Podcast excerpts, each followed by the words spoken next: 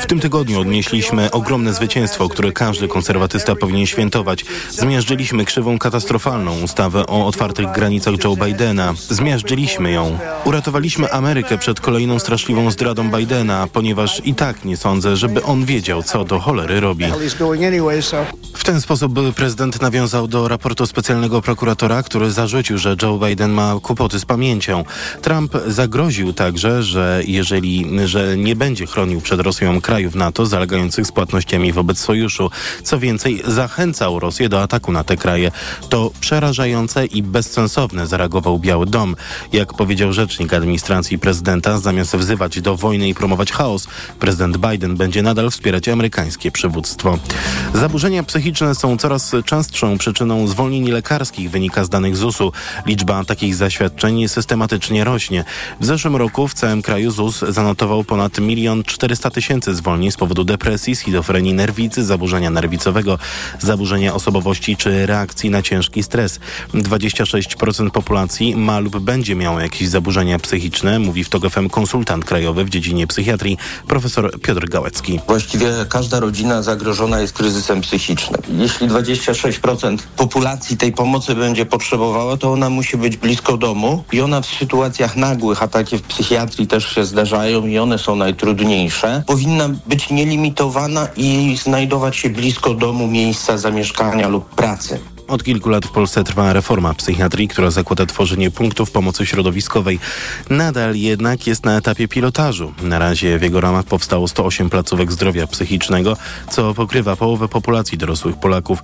Można z nich korzystać bez skierowania, mówi ekspert. Tam spotka się pan ze specjalistą, który skieruje pana do odpowiedniej formy udzielenia świadczenia i musi się to zadziać w ciągu 72 godzin. No i jak już jest pan zaopiekowany w kryzysie, to jest pan cały czas w systemie. Może pan korzystać z poradni, zespołu leczenia środowiskowego, oddziału dziennego, czy nawet hospitalizacji, jeśli jest to niezbędne. Według krajowego konsultanta wyzwaniem nadal pozostaje m.in. Instytucy, inty, instytucjonalne dofinansowanie psychiatrii, szczególnie szpitali i oddziałów szpitalnych.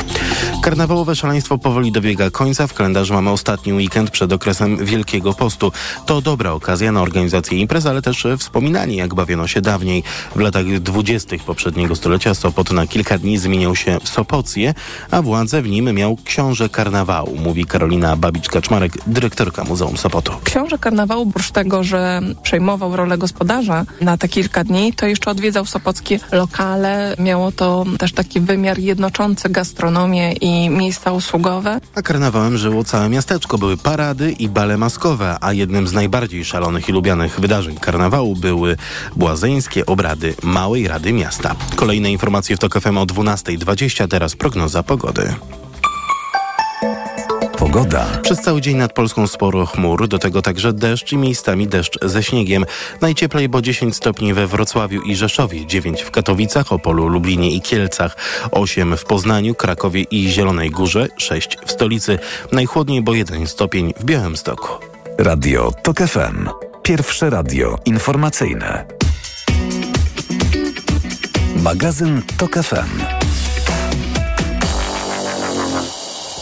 To jest niedzielny magazyn Radia TOK FM, 12.07 na zegarach, a z nami jest kolejny nasz gość, dr Marek Kozubel, historyk, redaktor współpracujący z portalem Defense24. Kłaniam się panu. Witam serdecznie, panie redaktorze. Jak słyszę, jest pan w bardzo dobrym humorze i od razu zapytuję, czy piątkowy naszego czasu wywiad e, Takera Carlsona z Władimirem Putinem, a także dzisiejsza wypowiedź e, pre, prezydenta byłego, a być może przyszłego Stanów Zjednoczonych Donalda Trumpa no, nie zburzy, nie zmąci pańskiego dobrego spokoju. Powiem tak, jeżeli chodzi o zwycięstwo Donalda Trumpa, potencjalne oczywiście, a także moment objęcia przez niego prezydentury, no to to jest jeszcze kawał czasu, bo prezydent Trump obejmie władzę dopiero w styczniu 2025 roku, ale oczywiście pod warunkiem, że wygra wybory. Wiemy, że administracja Joe Bidena woli jako rywala właśnie Trumpa niż Nikki Haley ponieważ po pierwsze wiek raczej nie jest tutaj wtedy argumentem. przeciwko Bidenowi, bo Trumpowi też się miesza wiele faktów. E, no i też powiedzmy jest on łatwiejszym przeciwnikiem do e, punktowania e, do wypominania mu różnych, czy to słów, czy to działań. Także no tutaj powiedzmy, to jest jeszcze odległa przyszłość. Ciężko stwierdzić, co się stanie w drugiej połowie tego roku kalendarzowego. Jeżeli chodzi o wywiad Takera Carlsona, E, z Władimirem Putinem. Pełen, pełen e, resentymentów Tutaj... kierowanych pod adresem Polski, bo, bo zdaje się, że nazwa naszego kraju padała tam najczęściej pośród wszystkich oprócz Ukrainy. E, no, tak niestety jest. No, pamiętajmy, że Rosjanie, czy nam się to podoba, czy nie, i co by nie mówili różnego rodzaju rusofile, e, tudzież tak zwani realiści, ja ich nazywam pseudorealistami, e, Rosja zawsze będzie postrzegała Polską jako swego rodzaju swoją strefę wpływów. I tutaj mamy rzeczywiście taki troszeczkę miks y, kompleksów y, pod adresem Polski, z drugiej strony y, postaw pełnych poczucia wyższości, no bo w końcu to Rosjanie niestety, no oczywiście w ramach rozbiorów podbili sporą część Rzeczypospolitej, przyczynili się też walnie do likwidacji naszej państwowości w wieku XVIII. No i w kolejnych stuleciach e, niestety nie było nam z nimi lekko. I to jest czysty eufemizm. Ja zapytam pana, bo e, chciałbym od razu pociągnąć ten wątek e, historyczny, który no, jest zdaniem wielu taką forpocztą do przyszłych działań Władimira Putina. To, że na pozór zupełnie bez większego sensu Putin przytaczał kulisy, jego zdaniem, właściwe rozpoczęcia II wojny światowej i to, że Polska kolaborowała z Hitlerem po to, żeby rozebrać Czechosłowację, a później no, Hitler się zawiódł i dlatego wszczął wojnę, bo Polacy nie dali mu korytarza e, na, na, na północy, no to właściwie wypisz, wymaluj taka analogia do tego, co, co dzieje się teraz i Putin może mieć w głowie, czyli, czyli też korytarz do obwodu kaliningradzkiego. No jak najbardziej. No to też właśnie zauważmy tą sprzeczność. On tam konkretnie miał się wyrazić w taki sposób, że e, najpierw twierdził, tak a propos Czechosłowacji, że Polska współpracowała z Hitlerem, a potem nagle stwierdził, że Polska jednak nie współpracowała z Hitlerem i dlatego Hitler musiał ją zaatakować. Czyli tutaj widzimy taką typową dla Rosjan i ich sympatyków e, taką koncepcję e, łączenia ze sobą faktów, które sobie przeczą. Znaczy faktów, Ale wygodnych, wygodnych dla przeczą. Rosjan. Ależ oczywiście, że tak. E, ale czy możemy to traktować jako swego rodzaju groźbę, pewną zapowiedź? Niestety, ale tak, jak najbardziej. E, w przypadku porażki Ukrainy albo dojścia do momentu, gdy Rosjanom uda się zawrzeć jakiś taki wygodny dla nich e, rozejm, e, to nie jest wykluczone to, że wcale nie będą potem kontynuować nacisku na Ukrainę, tylko stwierdzą, że trzeba, korzystając z okazji, póki Zachód jest jeszcze e, no, nie do końca dobudzony, e, to stwierdzą, że zaatakują póki się da albo rozkręcą na przykład w formacie wojny hybrydowej jakieś działania przeciwko niektórym członkom NATO. No i tutaj myślę, że wielu doskonale sobie zdaje sprawę, które państwa NATO pójdą wtedy na pierwszy ogień. Litwa, Łotwa i Estonia przy czym jeżeli tutaj mowa o działaniach przeciwko tym państwom nadbałtyckim, to wiadomo, że Rosjanie będą próbowali e, przeciąć tutaj e, połączenie z nimi, no i my tym samym automatycznie e, stajemy na linii ognia. Przesmych Suwalski, ale pamiętajmy, że e, nie tylko nasze tutaj terytorium będzie e, rozpatrywane jako element korytarza, bo mowa tutaj również o terytorium e, państwa litewskiego. Także moim zdaniem no, musimy tutaj być ostrożni. Kolejna też kwestia. Czy Rosjanie się uczą, czy biorą jakieś wnioski z wojny, którą prowadzą przeciwko Ukrainie? Niestety tak. Robią to najczęściej wolniej, co jest akurat dobrym e, aspektem, ale czasem uczą się szybciej. I też jeszcze jest jedna rzecz, akurat w tym przypadku bardzo negatywna.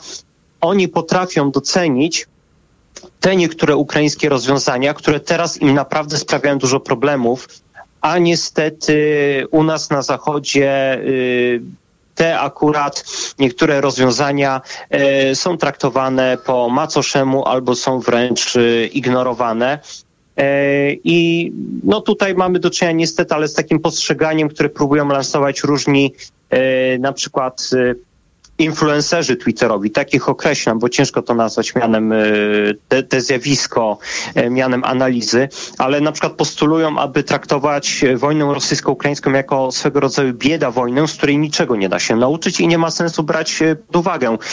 Większości wniosków, ponieważ rzekomo one będą niemiarodajne, tylko zaraz, zaraz. Wszyscy wiemy, że e, przez długi czas państwa NATO zaniedbały E, na przykład rozwój produkcji amunicji artyleryjskiej. W ogóle zaniedbano sferę artyleryjską. Skupiono się jedynie na jakości, pomijając to, że y, liczba też jest bardzo ważnym, e, istotnym aspektem. E, z czym mamy teraz do czynienia? Ukraińcy mają pewne teraz problemy wynikające w dużej mierze właśnie z niedoboru amunicji. Okazuje się, że Europa tej amunicji artyleryjskiej produkuje za mało i w warunkach potencjalnej wojny przeciwko Rosji nie ma żadnej gwarancji, że sytuacja bardzo mocno się poprawi. Przy czym trzeba będzie tą amunicję rozdysponować na bardzo szerokim froncie dla bardzo wielu różnych armii. E, I problem jest taki, że właśnie NATO to nie jest jednolity organizm. NATO to jest sojusz kilkudziesięciu państw o bardzo nierównym poziomie. Ale dobrze, bo, poziomie bo to, wyszkolenia, pan... doświadczenia i tutaj y, trzeba y, podkreślić bardzo ważną rzecz. Ukraińcy wykorzystują różne rozwiązania. Oczywiście wiadomo, że nie tyle z powodu dobrobytu, nadmiaru y, amunicji, ale właśnie z tego powodu, że tej amunicji przede wszystkim artyleryjskiej trochę brakuje. Są na przykład rozwiązania z dronami FPV. Moim zdaniem ignorowanie y, takich rzeczy, biorąc pod uwagę, że my się możemy właśnie bardzo mocno znaleźć w podobnej sytuacji, no nie świadczą zbyt dobrze. Tutaj naprawdę musimy garściami e, czerpać z tego konfliktu i bacznie go obserwować, brać z tego wnioski. To ja mam e, wobec tego do Pana pytanie, choć czasu jest niewiele, trzy minuty. E, czy istnieje możliwość y, albo zespół zaplanowanych działań, które mogłyby odstraszyć y, Rosję, by odstąpili, odstąpiła ona od ataku na któreś z państw y, NATO, na przykład wspólne porozumienie krajów nadbałtyckich i Polski o utworzeniu fortyfikacji, co już się w tych trzech krajach dzieje, a Polska ponoć też już do tego nieformalnie albo niejawnie może w ten sposób do, dołączyła. I druga rzecz, z, pańskiego, z pańskiej opowieści wyłania się taki obraz Rosji, która przeprowadza potencjalny konflikt konflikt, y, próbując okupować Polskę, tak mamy to, to rozumieć, czy też punktowo e, wprowadzając y, niepokój, doprowadzając do sytuacji, w której NATO będzie się zastanawiać, czy to już przekroczony został e, artykuł 5 y, sojuszu, czy też, czy też nie? Znaczy tutaj przede wszystkim to drugie. Y, na, na, początku ja naprawdę szczerze mówiąc wątpię, aby Rosjanie przeprowadzili takie uderzenie, które miałoby się skończyć e, całkowitą klasyczną okupacją państwa polskiego e, rodem z II wojny światowej. Właśnie tutaj czerpanie za bardzo z tych klisz drugowojennych, no to bardzo mocno szkodzi nam w postrzeganiu, bo wystarczy, że Rosjanie będą przeprowadzać właśnie różnego rodzaju e, działania hybrydowe, również takie, które będą na przykład y, obliczone nie tyle na to, żeby e, zająć jakieś terytorium, jakiś fragment państwa polskiego, ale bardziej na przykład na to, żeby w jakiś sposób E, związać e, działania państwa polskiego lub na przykład kompromitować władzę na przykład na arenie międzynarodowej. E, I tutaj widzimy takie cyniczne zachowania Białorusi i Rosji, na przykład z wykorzystaniem migrantów z Bliskiego Wschodu i czasem również Afryki. Widzimy, co się dzieje na granicy białoruskiej. To jest po prostu bardzo cyniczne wykorzystanie E, tych ludzi, a też nie wiemy, czy wśród nich nie znajduje się jakaś powiedzmy e, agentura, e, ludzie, którzy będą mieli na przykład początkowo być uśpieni, a później już na terenie krajów Unii Europejskiej, czyli zarazem NATO, podejmować różne działania dywersyjne, sabotażowe. To jest niestety bardzo prawdopodobne. Także tutaj nie a ta, chodzi A ta pierwsza o... kwestia, bo mamy już naprawdę niewiele czasu czyli e, porozumienie, żeby budować umocnienia. To jest pewien element odstraszający, ale pamiętajmy, że e, te pozycje czymś trzeba będzie obsadzić. A tutaj bardzo potrzebny będzie rozwój wojsk lądowych. Być może nawet przywrócenie e, poboru, ponieważ rezerwy też będą potrzebne. I jeśli można, panie redaktorze, na zakończenie bardzo ważna rzecz. Potencjalną wojnę z NATO Rosja z pewnością przegra. Tylko ważne jest tutaj, i to przede wszystkim mowa tutaj o Polakach, Litwinach, Łotyszach i Estończykach, ważne jest coś innego. Ilu z nas dożyje zwycięstwa? O tym trzeba myśleć. a nie o tym, jaki będzie tylko wynik końcowy, który gdzieś tam kiedyś opiszą historycy. To jest taka katastroficzna wizja, którą kończymy. Nie, ona, ona nie jest katastroficzna. Yy, to jest pewien sygnał, o czym my mamy tak naprawdę myśleć i do czego mamy się tak naprawdę szykować. Bardzo dziękuję. Dr Marek Kołzubel, historyk, redaktor współpracujący z portalem Defense24 był z nami. Kłaniam się. Również się kłaniam, pozdrawiam. Państwa zapraszamy na informacje. Magazyn TOK FM. Autopromocja. Stok FM Premium możesz słuchać wszystkich audycji radiowych i podcastów internetowych Tok FM. Bez reklam, w dowolnej kolejności, o dowolnej porze. Zawsze, gdy masz na to czas i ochotę. Tok FM Premium. Więcej niż radio. Szczegóły oferty znajdziesz na tokefm.pl.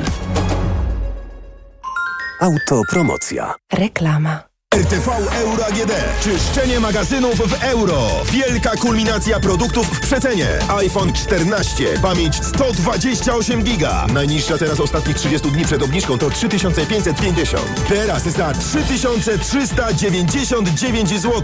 I aż 30 raty 0% na cały asortyment. Z wyłączeniem produktów Apple. I do czerwca nie płacisz. RRSO 0%.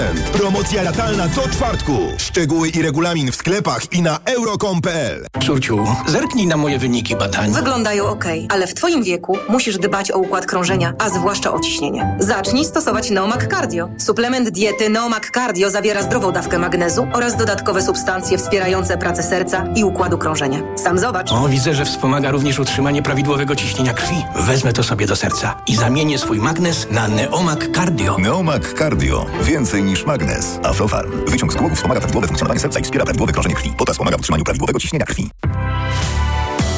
Wysokie obcasy to więcej niż siostrzeństwo. Piszemy o sprawach kobiet. Walczymy o prawa kobiet.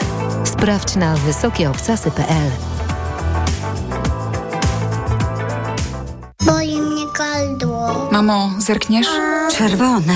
Babcia da ci lizaka. Lizaka? No co ty? Lizaka Naturcept Med Gardło bez cukru. To wyrób medyczny, który leczy podrażnienia, łagodzi ból i nawilża gardło. Mmm, pyszne.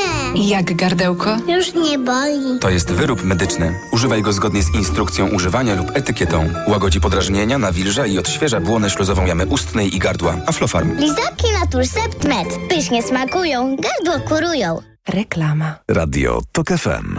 Pierwsze radio informacyjne.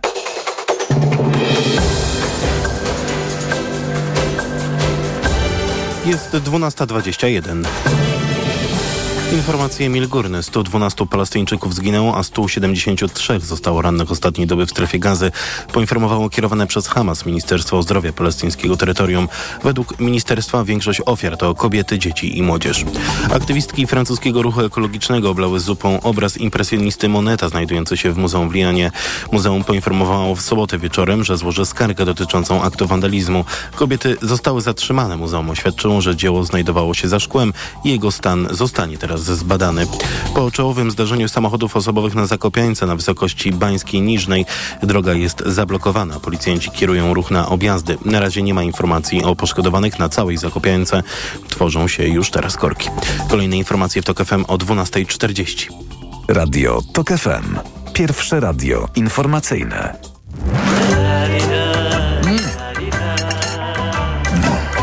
Przy niedzielnym stole. Hmm? Przy niedzielnym stole Przemysław Iwańczyk, kłaniam się Państwu i jak słyszę jest już z nami nasz gość. Dziś jest nim Tomasz Karolak, szef kuchni w ambasadzie Hiszpanii, autor wielu projektów kulinarnych, także znany z ekranów telewizorów. Dzień dobry Tomku, kłaniam się. Dzień dobry, witam, kłaniam się nisko. Powiedziałem, że jesteś znany z ekranów telewizorów, ale to nie aktor Tomasz Karolak, ale szef kuchni wielki miłośnik tego, czym się zajmuje, co jest jego pasją. Dzisiaj jest z nami.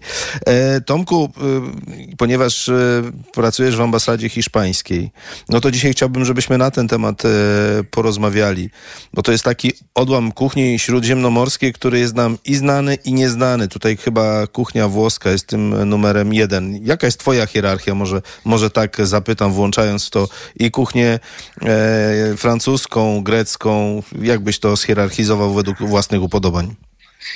To znaczy, przede wszystkim chciałbym powiedzieć, że jest to kuchnia bardzo ciekawa. Mówimy teraz o kuchni hiszpańskiej. Mm, Coraz bardziej znana i lubiana poprzez dostępność, e, dostępność i podróże na Półwysep Iberyjski. Jest to kuchnia mezaliansu, jest to kuchnia bogata i kuchnia biedna. Jest to kuchnia bardzo smaczna i przez y, dostęp do mórz i oceanu jest to kuchnia skoncentrowana głównie na rybach i owocach morza. A jeżeli chodzi o moje preferencje, mm, bardzo mocno ją lubię, nie ukrywam, ale nadal uważam, że to kuchnia francuska i kuchnia polska w mojej opinii są kuchniami przyjemniejszymi. No dobrze, ale to dzisiaj umówiliśmy się na Hiszpanię, więc y, przy tej Hiszpanii Jasne. pani pozostańmy. Stereotypowo, a też jesteśmy po to, by te stereotypy łamać, y, to tapasy są taką wizytówką kuchni hiszpańskiej, prawda? Oczywiście tapas jest e, chyba najpopularniejszą przekąską e, obecnie. Co za tym idzie, lubianą i serwowaną u nas w kraju również dość mocno. Mm, Czym w ogóle są tapasy, gdybyś wyjaśnił i co kwalifikuje się do, do tego, by, by te przekąski tak nazwać? Mhm. Tapas to y, małe przekąski, przekąski serwowane na zimno, przekąski serwowane na ciepło. Dania, które po, możemy zjeść i do wina, i z, przy okazji, i również bez okazji. E, dania małe, dania skromne, skowyrne, dania przyjemne, dania szybkie do zrobienia, ładne do podania i takie, które gdzieś tam łączą towarzystwo przy wspólnym stole zwykle. A one y, są podawane w charakterze przystawek też, czy, czy, czy tylko przy okazji takich y, krótkotrwałych wizyt w, w, w restauracjach, pubach, barach?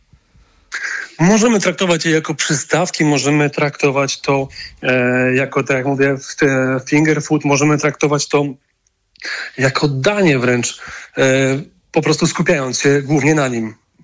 A rodzajów i sposobów ich przyrządzania naprawdę wiele, bo, bo tak jak mówię, jest to popularne, jest to modne, jest to smaczne, przyjemne, także naprawdę również polecam.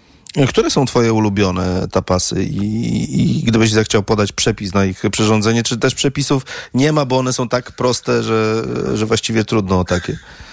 Więc to oczywiście, mój drogi, są przepisy, jest ich tyle, ile jest e, kucharzy, szefów kuchni, a także wykonawców i gospodyń domowych. Każda ma i każdy ma swoje ulubione przepisy. Ja powiem szczerze, skupiam się na tych, e, które są głównie na koncentrowane na owocach morza, na świeżych rybach, mm, krewetki z guacamole, czy małże sercówki, powiedzmy, z czarnym ryżem takie no, przystawki świeże, lekkie, bardzo smaczne i przyjemne.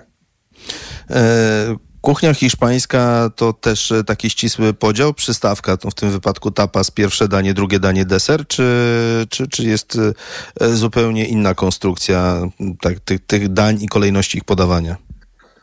Absolutnie nie, nie ma czegoś takiego jak e, standardowy mm, podział na przystawkę, danie główne i deser.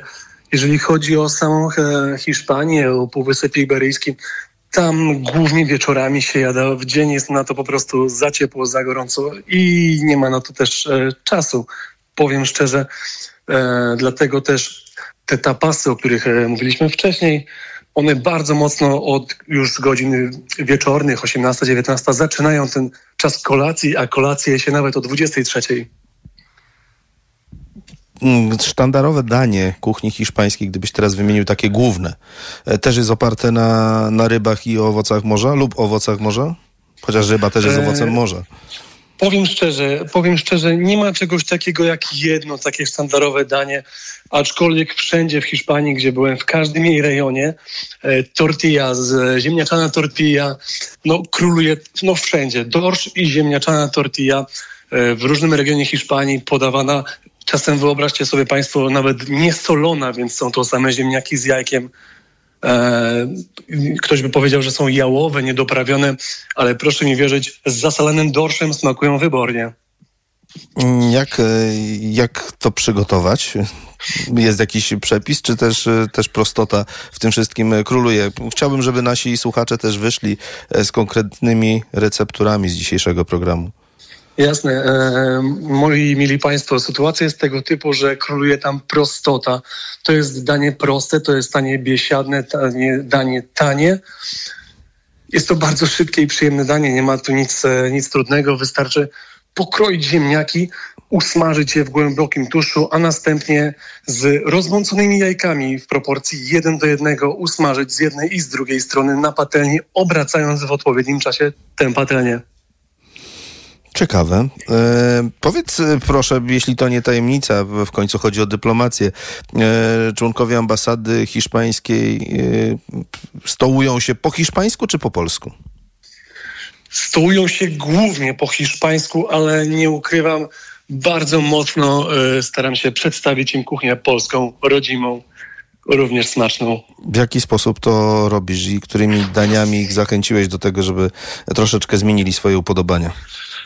E, przemycam, bardzo, bardzo mocno przemycam, zwłaszcza, zwłaszcza kwaśne smaki, których mm, oni tak mocno nie zdają. Mówię tutaj o zupach, mówię tu o szczawiowej, mówię tu o żurku, mówię tu o łódzkiej zalewajce, mówię tu o kwaśnych smakach, które są naprawdę przyjemne i ciekawe. Co za tym idzie, sorbet ze szczawiu jest bardzo mocno lubiany tam. Sorbet ze szczawiu. Yy, nie, Mhm. nie, nie puszczę cię dzisiaj i zostaniesz na antenie do momentu, aż zdradzisz, jak go przygotować. Bardzo proszę, bardzo chętnie. Słuchamy. E, Jeżeli chodzi o szczaw, no jeszcze nie mamy tej pory roku, kiedy możemy go sobie sami zrywać. Dziś możemy go jedynie importować, co nie jest e, za specjalne, dlaczego poczekajmy jeszcze trochę do lata. A jest to bardzo proste, nie ma tutaj nic trudnego, moi drodzy. Wystarczy bardzo dużo, około 5 kg szczawiu sparzyć, zblanszować w wrzątku, następnie wrzucić do zimnej wody, dodać kilka listków żelatyny, zblendować i zamrozić. Dla podkręcenia smaku, zapachu i aromatu, tudzież walorów osobistych, smakowych, sok z limonki i kilka listków świeżej kolendry na pewno zrobią dobrą robotę. Ale ten sorbet musi, no bo jak to sorbet, musi być y, mrożony, tak? I podajemy to w filiżankach. Jak ty to wyobrażasz sobie i nam też spróbujesz uzmysłowić? E, Przemek i mili Państwo, sytuacja jest tego typu, że tak jak mówię, jako że ja już jestem w e, tej prostocie i bardzo, że tak powiem, w daniach szybkich, prostych, klasycznych, ale bardzo smacznych i wytrawnych zarazem. Jak zrobicie Państwo w domu u siebie tak, żeby Wam smakowało? Chodzi o to, żeby to było bardzo miłe, przyjemne i żeby dobrze się z tym czuć. Ja mam profesjonalne urządzenie, mam e, maszynkę, która robi mi sorbety i lody, ja tam tylko kolejno wkładam składniki, ale można to zrobić w domu, można to zrobić w garnku, w rondelku i po prostu włożyć do zamrażarki. Można to zrobić w porcelanowych pojemnikach, można to zrobić w szkle grubym, o ile takie mamy. Można to zrobić e, również w foremkach do lodów, tudzież sorbetów. Dobrze, to w takim razie jeszcze e, zapytam ciebie, co, co, co Hiszpanie wywęszyli i, i spałaszowali z naszej kuchni, co spodobało im się na tyle, że być może u siebie będą uskuteczniać i propagować nasze dania. Jest to bardzo fajnym tematem jest biodrówka jagnięca. E, miałem okazję przywieźć taką z Podhala do Warszawy. E, to też nie jest mięso, które gdzieś tam mm, bardzo znają i e, cenią sobie Hiszpanie, ponieważ oni nie ukrywają, skupiają się na, jeżeli chodzi o mięso, to jest e, wołowina, wieprzowina i drób. E, nie to, że zamykają się na inne, po prostu te najbardziej znają i lubią. Dlatego ja też staram się, żeby mogli poznać e, czy to jagnięcinę, czy to jakieś e, fajne mm, smaki typu właśnie podroby, które bardzo też lubię i też im przedstawiam. Grasica cielęca, e, kacze serca. No, to są takie smaki, które warto też znać i są też ciekawe, nie ukrywam. Desery, mm, myślę, że w niedzielę warto o nich też e, pomówić, e, ale nie wytrawne, te słodkie. E, Co jest e, twoim zdaniem godne polecenia? Czy mówimy tutaj o deserach e, hiszpańskich? Tak, tak, tak. Jedne i drugie. O jedne i Mhm. drugie chcę cię zapytać. Zatem ja nie ukrywam, bardzo mocno lubię desery. Dla mnie wszystko, co z czekoladą, mogę jeść, e, przegryzać nawet przez cały dzień, a jeżeli chodzi o Hiszpanów, no to ich e, klasyczny deser to jest, który też bardzo mocno lubią, e, to jest beza. Beza w, skąpana jeszcze w sosie śmietanowym. Do tego duża ilość sezonowych owoców. E, no, jak mam być szczery, jest to dla mnie nawet za słodkie, a ja, tak jak mówiłem, bardzo mocno lubię desery i wszystko, co z nimi związane. A w drugą stronę? E, Ja z kolei staram się przekazać również polskie kwaśne smaki. Bardzo stawiam tutaj na jabłka. Tutaj wspieram się również kuchnią odrobinę francuską, bo e, tarta na kruchym cieście e, czy, czy ciasto z kwaśnymi borówkami to są takie smaki, które bardzo fajnie też e, pokazać naszym gościom. Bardzo dziękuję za tę e, rozmowę. E, to jeszcze tak zapytam na koniec. Planujesz jakieś wyprawy do Hiszpanii, czy, czy tylko w placówce tutaj chcesz popracować? I... Oczywiście, że planuję. y, Bardzo lubię odwiedzać ten kierunek. Powiem szczerze, e, kilka miejsc, które odwiedziłem tam, e, no zmieniłem moim zdaniem. Myślałem, że są mniej spokojne, tudzież bardziej dostępne. Ale tak, tak, bardzo lubię odwiedzać ten kierunek. Teraz też niedługo się wybieram, ale może nie zdradzę w, w którą jej część. Dziękuję bardzo. Tomasz Karolak, szef kuchni w ambasadzie hiszpańskiej. Opowiadając o kuchni tego kraju, był dziś z nami. Kłaniam się i, i życzę Ci dobrej niedzieli. Bardzo dziękuję. Pozdrawiam niedzielnie. E, państwa zapraszam teraz na informacje.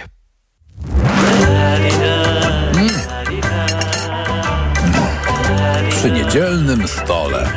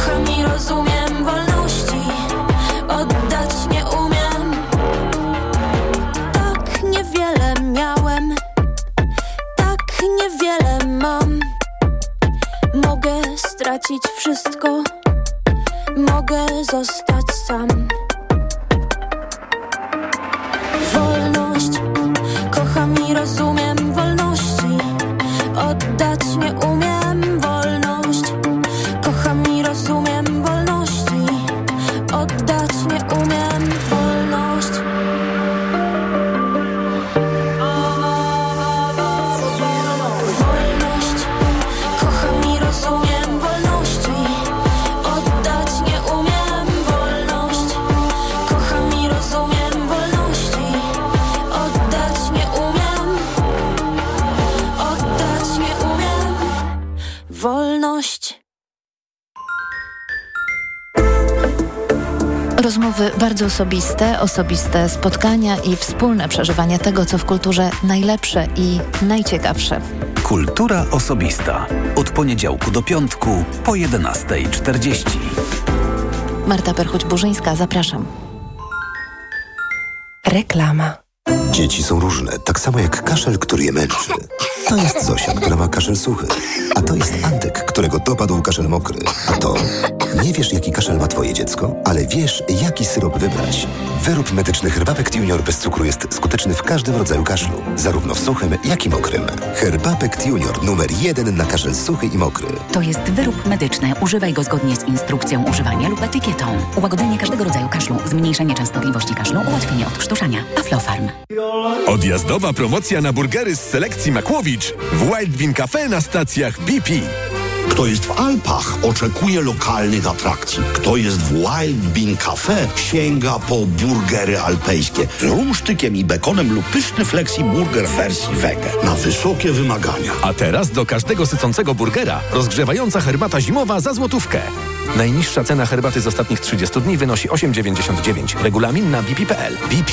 Kierujemy się Tobą. Proszę, pane okulary. Warto też kupić suplement diety Maxiluten D3. Maxiluten D3? Tak. Ma wysoką dawkę luteiny oraz składniki wspierające wzrok, cynk i wyciąg z róży stulistnej, a dodatkowo również wysoką dawkę witaminy D3. Maxiluten D3. Aflofarm. Szalalalala, będzie cieszyć się Barbara. Marian, co ty oszalałeś?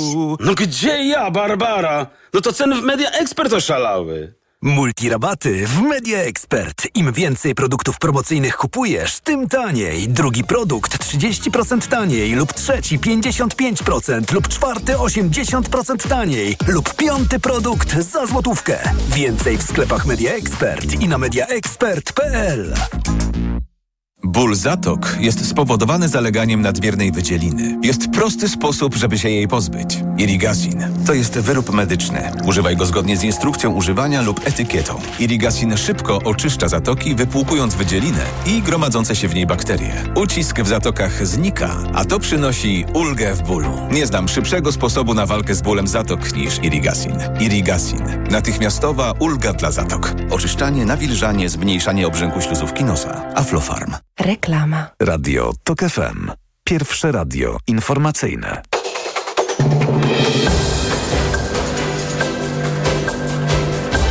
Jest 12.40. Informacje Emil Górny. Polscy politycy z obawą podchodzą do wypowiedzi Donalda Trumpa dotyczącej zobowiązań finansowych krajów NATO. Racją stanu demokratycznego świata jest zrobić wszystko, żeby Donald Trump nie wygrał wyborów, powiedział Dariusz Żyński z Koalicji Obywatelskiej. Ta wypowiedź niepokoi, przyznała Mirosława Stachowiak z Różecka z Prawa i Sprawiedliwości. Szef dyplomacji Unii Europejskiej Joseph Borrell przestrzegł przed ofensywą armii izraelskiej, izraelskiej w Rafach na południu strefy gazy. Jego zdaniem oznaczałaby ona nieopisaną katastrofę humanitarną. Armia Izraela już od kilku dni prowadzi operacje militarne w Rafah, gdzie schroniła się ponad połowa z mieszkańców strefy gazy, a Izrael obiecuje bezpieczną ewakuację cywilów z Rafah. Premier Benjamin Netanyahu zapowiedział w wywiadzie dla ABC News, że izraelska armia zapewni Palestyńczykom bezpieczne wyjście z Rafah przed planowanym atakiem na to miasto w strefie gazy. Kolejne informacje w TOK FM o 13. Radio TOK FM. Pierwsze radio informacyjne. Jak z dzieckiem? Jak z dzieckiem w niedzielnym magazynie Radia Tok FM dziś z nami jest doktor nauk medycznych Hanna Kęczyńska-Nyk, seksuolożka oraz endokrynolożka. Dzień dobry, kłaniam się. Dzień dobry, witam pana, witam państwa. E, Pani doktor, podejmujemy dziś na naszej antenie bardzo trudny temat, e, którego podłożem jest e, propozycja odbiła się ona bardzo szerokim echem Instytutu Ordo Juris. E, Propozycja, która trafia do parlamentu pod postacią petycji, co też jest dość istotne z punktu widzenia legislacji, a chodzi o zakaz korekty płci u dzieci. I teraz y, chciałbym, żebyśmy także w warstwie retorycznej bardzo dokładnie to wyjaśnili, bo myślę, że tutaj należy dochować wszelkiej staranności. Po pierwsze, czy chodzi o dzieci, czy chodzi o nieletnich, bo, bo myślę, że tutaj warto tę cezurę postawić, zanim powiemy, na czym taka korekta bądź też uzgodnienie polega. Więc z, z medycznego punktu widzenia, jako, jako lekarka, jako seksuolożka, endokrynolożka mogę, mogę tutaj powiedzieć i wyjaśnić, że nie y, uzgadniamy płci u dzieci. Y, o jakichś procedurach, które zmierzają ku uzgodnieniu płci, możemy mówić u osób, które są, nie osiągnęły wieku jeszcze pełnoletności, czyli w Polsce jest to 18 rok życia, ale y, są już w takim wieku nastoletnim, gdzie rozpoczęło się dojrzewanie płciowe, gdzie y, na różnym stopniu zaawansowania i wówczas możemy podjąć procedury, oczywiście przeprowadzeniu wnikliwej diagnostyki psychologiczno-psychiatrycznej, aby y, taki, taki właśnie krok w kierunku uzgodnienia wykonać. Natomiast jest to bardzo delikatna materia, wymagająca rzeczywiście wnikliwej oceny, diagnozy psychologa, psychiatry y, i y, seksuologa oraz lekarza endokrynologa, że taka procedura może zostać wdrożona. A na jakiej zasadzie właśnie odbywa się ta procedura, gdyby pani zechciała powiedzieć od samego e, początku? Czy pierwszym kontaktem e, dla rodziców, e, bo skoro mowa o nieletnich, no to musimy też wskazać opiekunów prawnych, jest kontakt z psychologiem, czy dopiero później z seksuologiem, endokrynologiem? Gdyby pani Jak- zechciała jak opisać. najbardziej. tak, tak. Więc, więc to oczywiście jak najbardziej. Pod, podstawową pierwszą, pierwszą instancją, do jakiej zgłasza zgłaszają się rodzice rzeczywiście, bo w tej chwili bardzo wielu rodziców ze swoimi nastoletnimi dziećmi zgłasza się y, po pomoc. Y, powinien to być specjalista zdrowia psychicznego z doświadczeniem w diagnozowaniu dysforii płci, bo jeżeli dziecko może zgłaszać y, dysforię płci od wczesnego dzieciństwa, może zgłaszać w jakimś czasie określonym kilka miesięcy, rok, wówczas no, należy się nim zaopiekować i mm, problem polega na tym, czy ważnym krokiem jest to, aby ustalić, ustalić, czy rzeczywiście tutaj opieka, czyli pozwolenie funkcjonowania w, w określonej roli w szkole, w domu, y, czy rzeczywiście jakieś dalsze kroki zmierzające, medyczne po prostu, y, są wskazane do tego, aby dziecko było w, uzyskać dobrostan po prostu psychiczny, żeby, żeby to, za tym dzieckiem podążać. Więc pierwszy krok specjaliści zdrowia psychicznego, psycholog, seksuolog doświadczony w diagnozowaniu niezgodności płciowej oraz psychiatra, żeby ocenić, czy y, zgłaszany problem, problem zgłaszana y, niezgodność, czy prawda, dysforia płci rzeczywiście jest tym, czym nazywamy w klasyfikacjach medycznych właśnie niezgodnością czy dysforią płci i kwalifikuje się do podjęcia jakichś dalszych kroków. E, gdyby pani... Seksuolog, tak. Mhm. Bardzo proszę kontynuować, bo mam kolejne pytanie, ale to nie, za nie, chwilę. Bo to, pro, nie, nie, proszę w takim razie pytać. E, na czym polega dysforia, gdyby pani zechciała wyjaśnić ten termin? No więc dysforia płci to w klasyfikacji e, chorób psychicznych DSM-5 y, obowiązującej w y, Stanach Zjednoczonych, to jest jako właśnie jednostka, która odpowiada w naszych klasyfikacjach ICD-10 i ICD-11 obecnie obowiązujących niezgodności płciowej. Dysforię można traktować tak jakby dwojako. Po pierwsze uczucie poczucie dyskomfortu, cierpienia związanego z odczuwaniem y, tego, że nasza płeć przypisana przy urodzeniu nie zgadza się z płcią y, przez nas odczuwaną. Więc z jednej strony może być to jako jednostka y, medyczna w klasyfikacji DSM-5, a z drugiej strony dysforię określamy jako cierpienie, które towarzyszy poczuciu niezgodności. Ponieważ w naszych obowiązujących klasyfikacjach medycznych, czyli w tej chwili ICD-11, to jest właśnie niezgodność płciowa, czyli mamy poczucie niezgodności niezgodności między płcią przypisaną odczuwaniu, ale nie odczuwamy cierpienia. Natomiast dysforia, podkreślamy, to słowo mówi nam o tym, że, że dana osoba, w tym przypadku nastoletnie dziecko, odczuwa cierpienie i to cierpienie może prowadzić do no, różnych problemów z obszaru zdrowia psychicznego, czy depresji, czy zaburzeń lękowych, czy, czy jeszcze innych, czy stresu mniejszościowego, prawda? Więc, więc mam nadzieję, że, że tutaj wyjaśniłam.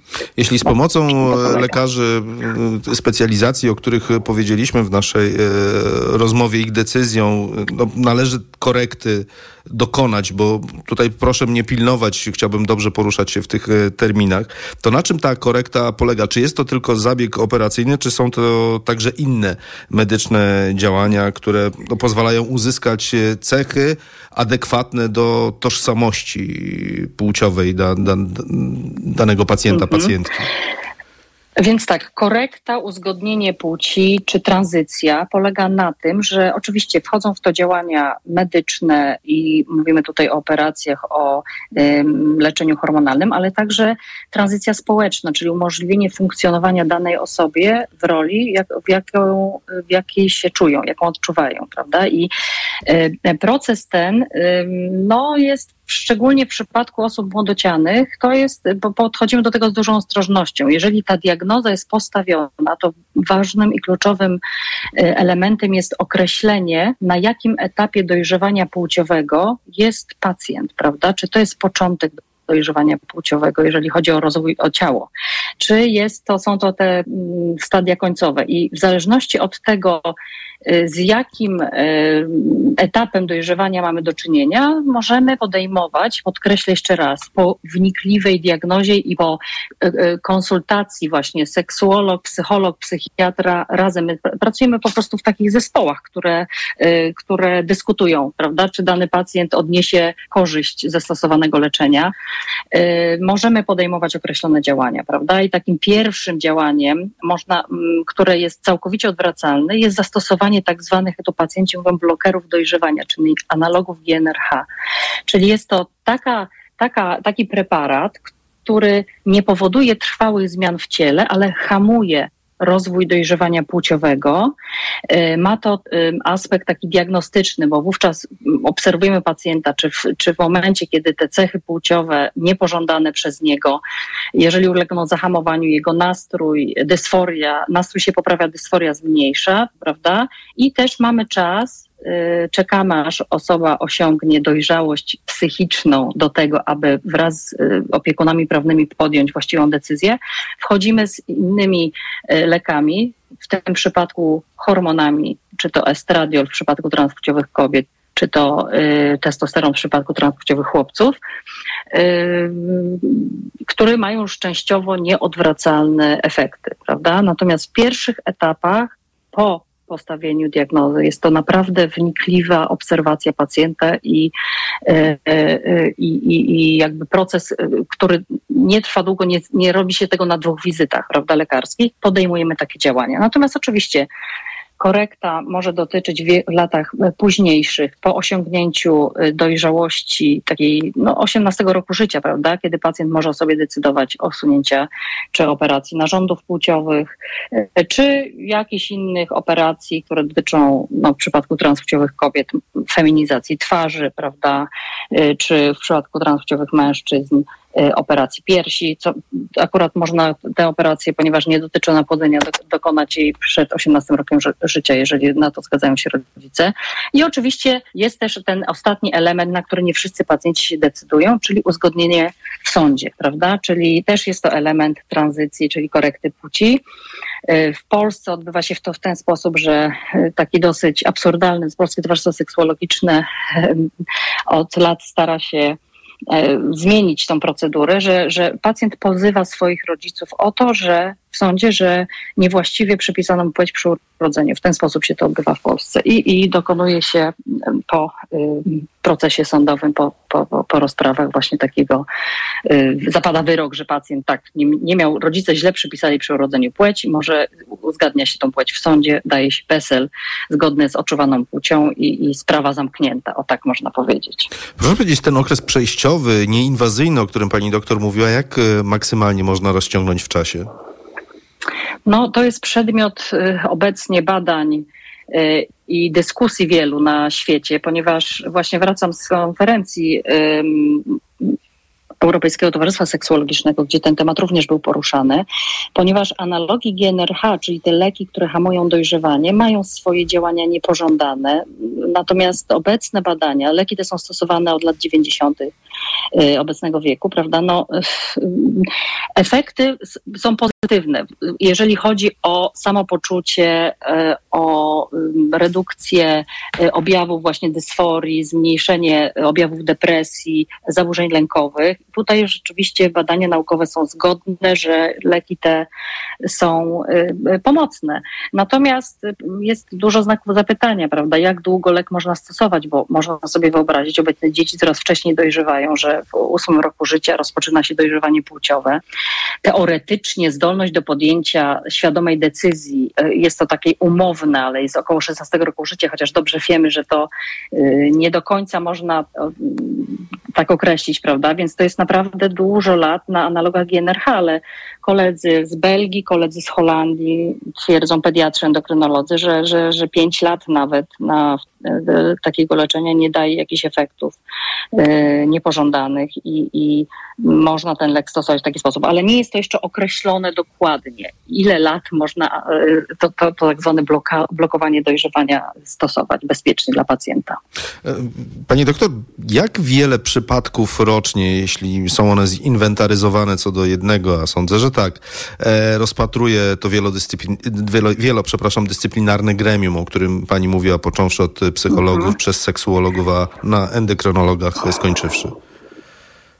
No, rzeczywiście to jest taka, taki ym, problem, który, który narasta, można powiedzieć. Procent osób, które decydują się na podjęcie tego, czy ilość osób, y, no zwiększa się. To jest bardzo różne w zależności od pokolenia. Uważa się, że w ogóle uważa się, że około pół procenta ludzi y, ma dysforię płci ogół, ogółem, prawda? A wśród dzieci, nastolatków jest tego, tych pokoleń młodszych obecnie nawet do 2,7 3%, więc więc no, y, ja takich tutaj liczb może nie podam, ale powiem, że w moim gabinecie codziennie konsultuję około 10 osób, w tym y, transpłciowych, w tym takich mło- młodocianych, no dwie, trzy dziennie, więc y, z kolegami mamy pełne ręce roboty. Rzeczywiście koledzy, koledzy psycholodzy, psychiatrzy, seksuolodzy mają naprawdę pełne ręce roboty i mm, no, dużo pracy, ponieważ bardzo dużo osób rzeczywiście zgłasza się z rodzicami. Oczywiście to, czy one trafią ostatecznie do mnie jako endokrynolożki celem rozpoczęcia terapii y, leku, le, leczenia po prostu hormonalnego czy analogami GNRH, to, to jest jeszcze inna sprawa, prawda? Ale, ale rzeczywiście osób tych jest bardzo dużo i można powiedzieć, że z roku na rok y, coraz więcej osób zgłasza się y, do, do specjalistów z tym problemem, rodziców z dziećmi. Wyszliśmy w naszej rozmowie od e, projektu petycji, mm, jeszcze raz e, przypomnę, skierowanej przez Ordo Juris, w myśl której lekarzom, którzy podejmują się albo przeprowadzenie zabiegu, albo wszczęcie e, terapii, e, do trzech lat więzienia. Mm, Z kolei przeciwnicy tego projektu, a jest ich zdecydowana większość w parlamencie, co oznacza, że projekt najpewniej e, przepadnie, twierdzą, że każdy mm, ma prawo do opieki medycznej, jeśli takiej potrzebuje, a w tym wypadku ich zdaniem e, tak, taka jest e, potrzeba. Zechce się pani do tego w ogóle odnieść i czy wczytywała się pani w szczegóły tej, tej petycji? W szczegóły petycji się nie wczytywałam, ale powiem tak.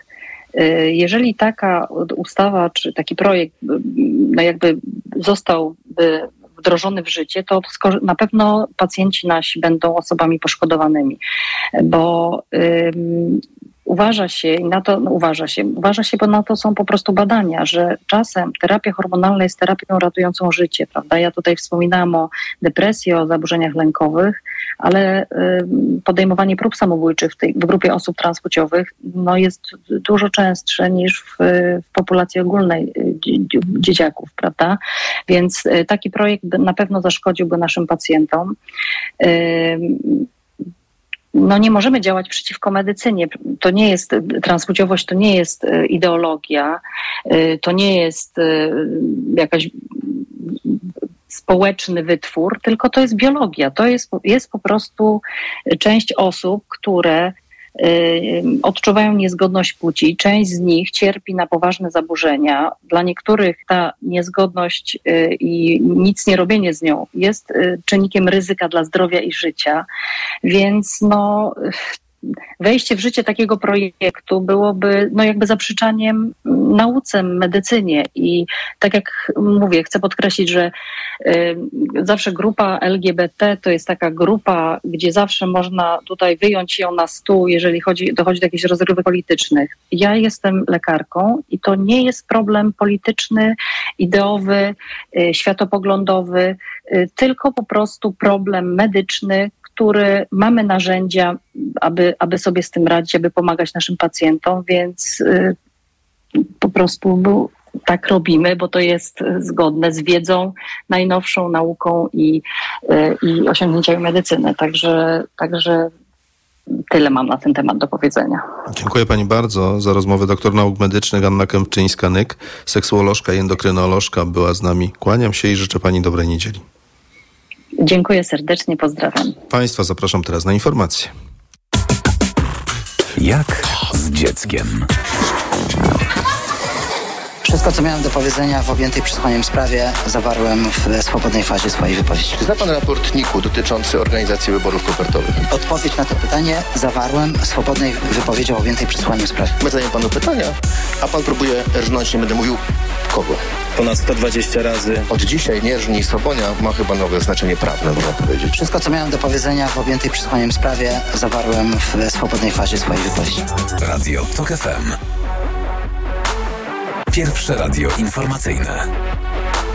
Posłuchaj, aby zrozumieć. Reklama. Co można kupić za 40 groszy? Dwie kostki czekolady, pół jajka albo dzienną porcję witamin i minerałów, bo tylko tyle kosztuje jedna tabletka ActiVitaminer Senior D3. Suplementy diety ActiVitaminer Senior D3 to witaminy i minerały wzbogacone aż o 2000 jednostek witaminy D3, tak potrzebnej jesienią i zimą. ActiVitaminer Senior D3 znajdziesz w swojej aptece w bardzo dobrej cenie. Witamina D pomaga w prawidłowym funkcjonowaniu układu odpornościowego. Aflofarm. Więcej na vitaminer.pl. Zimo wielkimi susami idzie. Do Skitimu trzawą zajrzeć po superowskie deski, narty, kaski, buty i to tych najlepszych światowych marków. Dla każdego i to nieważne, czy po miejscu skucy jak lebiega po stoku śmigo. A zapytajcie te zo zesłorocne kolekcje, bo na nie mocie super atrakcyjne ceny. Kupuj ta w Skitimie, nie daj ta się zimie. Już teraz wybrane produkty z najnowszych kolekcji kupisz taniej nawet o 50%. Kupuj w sklepach otwartych także w niedzielę lub na skitim.pl. Co teraz dawać dzieciom na odporność? Rutina C Junior Plus. Syrop dla dzieci wzbogacony o czarny bez i cynk. To naprawdę bogaty skład. Witamina C i cynk wspomagają układ odpornościowy, a czarny bez wspiera układ oddechowy. Suplement diety Rutina C Junior Plus. Odporność na potęgę. Aflofarm. Ostatni taki weekend. Ostatnia szansa na drugi kubełek pysznego kurczaka KFC 50% taniej. Nie przegap. Zamów swój ulubiony kubełek, a drugi odbierz za połowę ceny. Tylko od piątku do niedzieli w KFC. Szczegóły promocji w regulaminie. Kochanie, kupiłaś patyczki do uszu? Nie, polecono mi coś innego. Spray do czyszczenia uszu Acustone. Zawiera aż trzy naturalne oleje, dzięki czemu Acustone szybko rozpuszcza i pomaga usunąć zalegającą woskowinę. Słusznie, od razu słyszę poprawę. Acustone to najlepszy sposób na czyszczenie uszu. Acustone. Słuszny wybór. To jest wyrób medyczny. Używaj go zgodnie z instrukcją używania lub etykietą. Acustone rozpuszcza zalegającą woskowinę, przeciwdziała powstawaniu korków woskowinowych lub zaleganiu wody w przewodzie słuchowym. Aflofarm. Reklama. Radio TOK FM. Pierwsze radio informacyjne. Niedziela 11 lutego.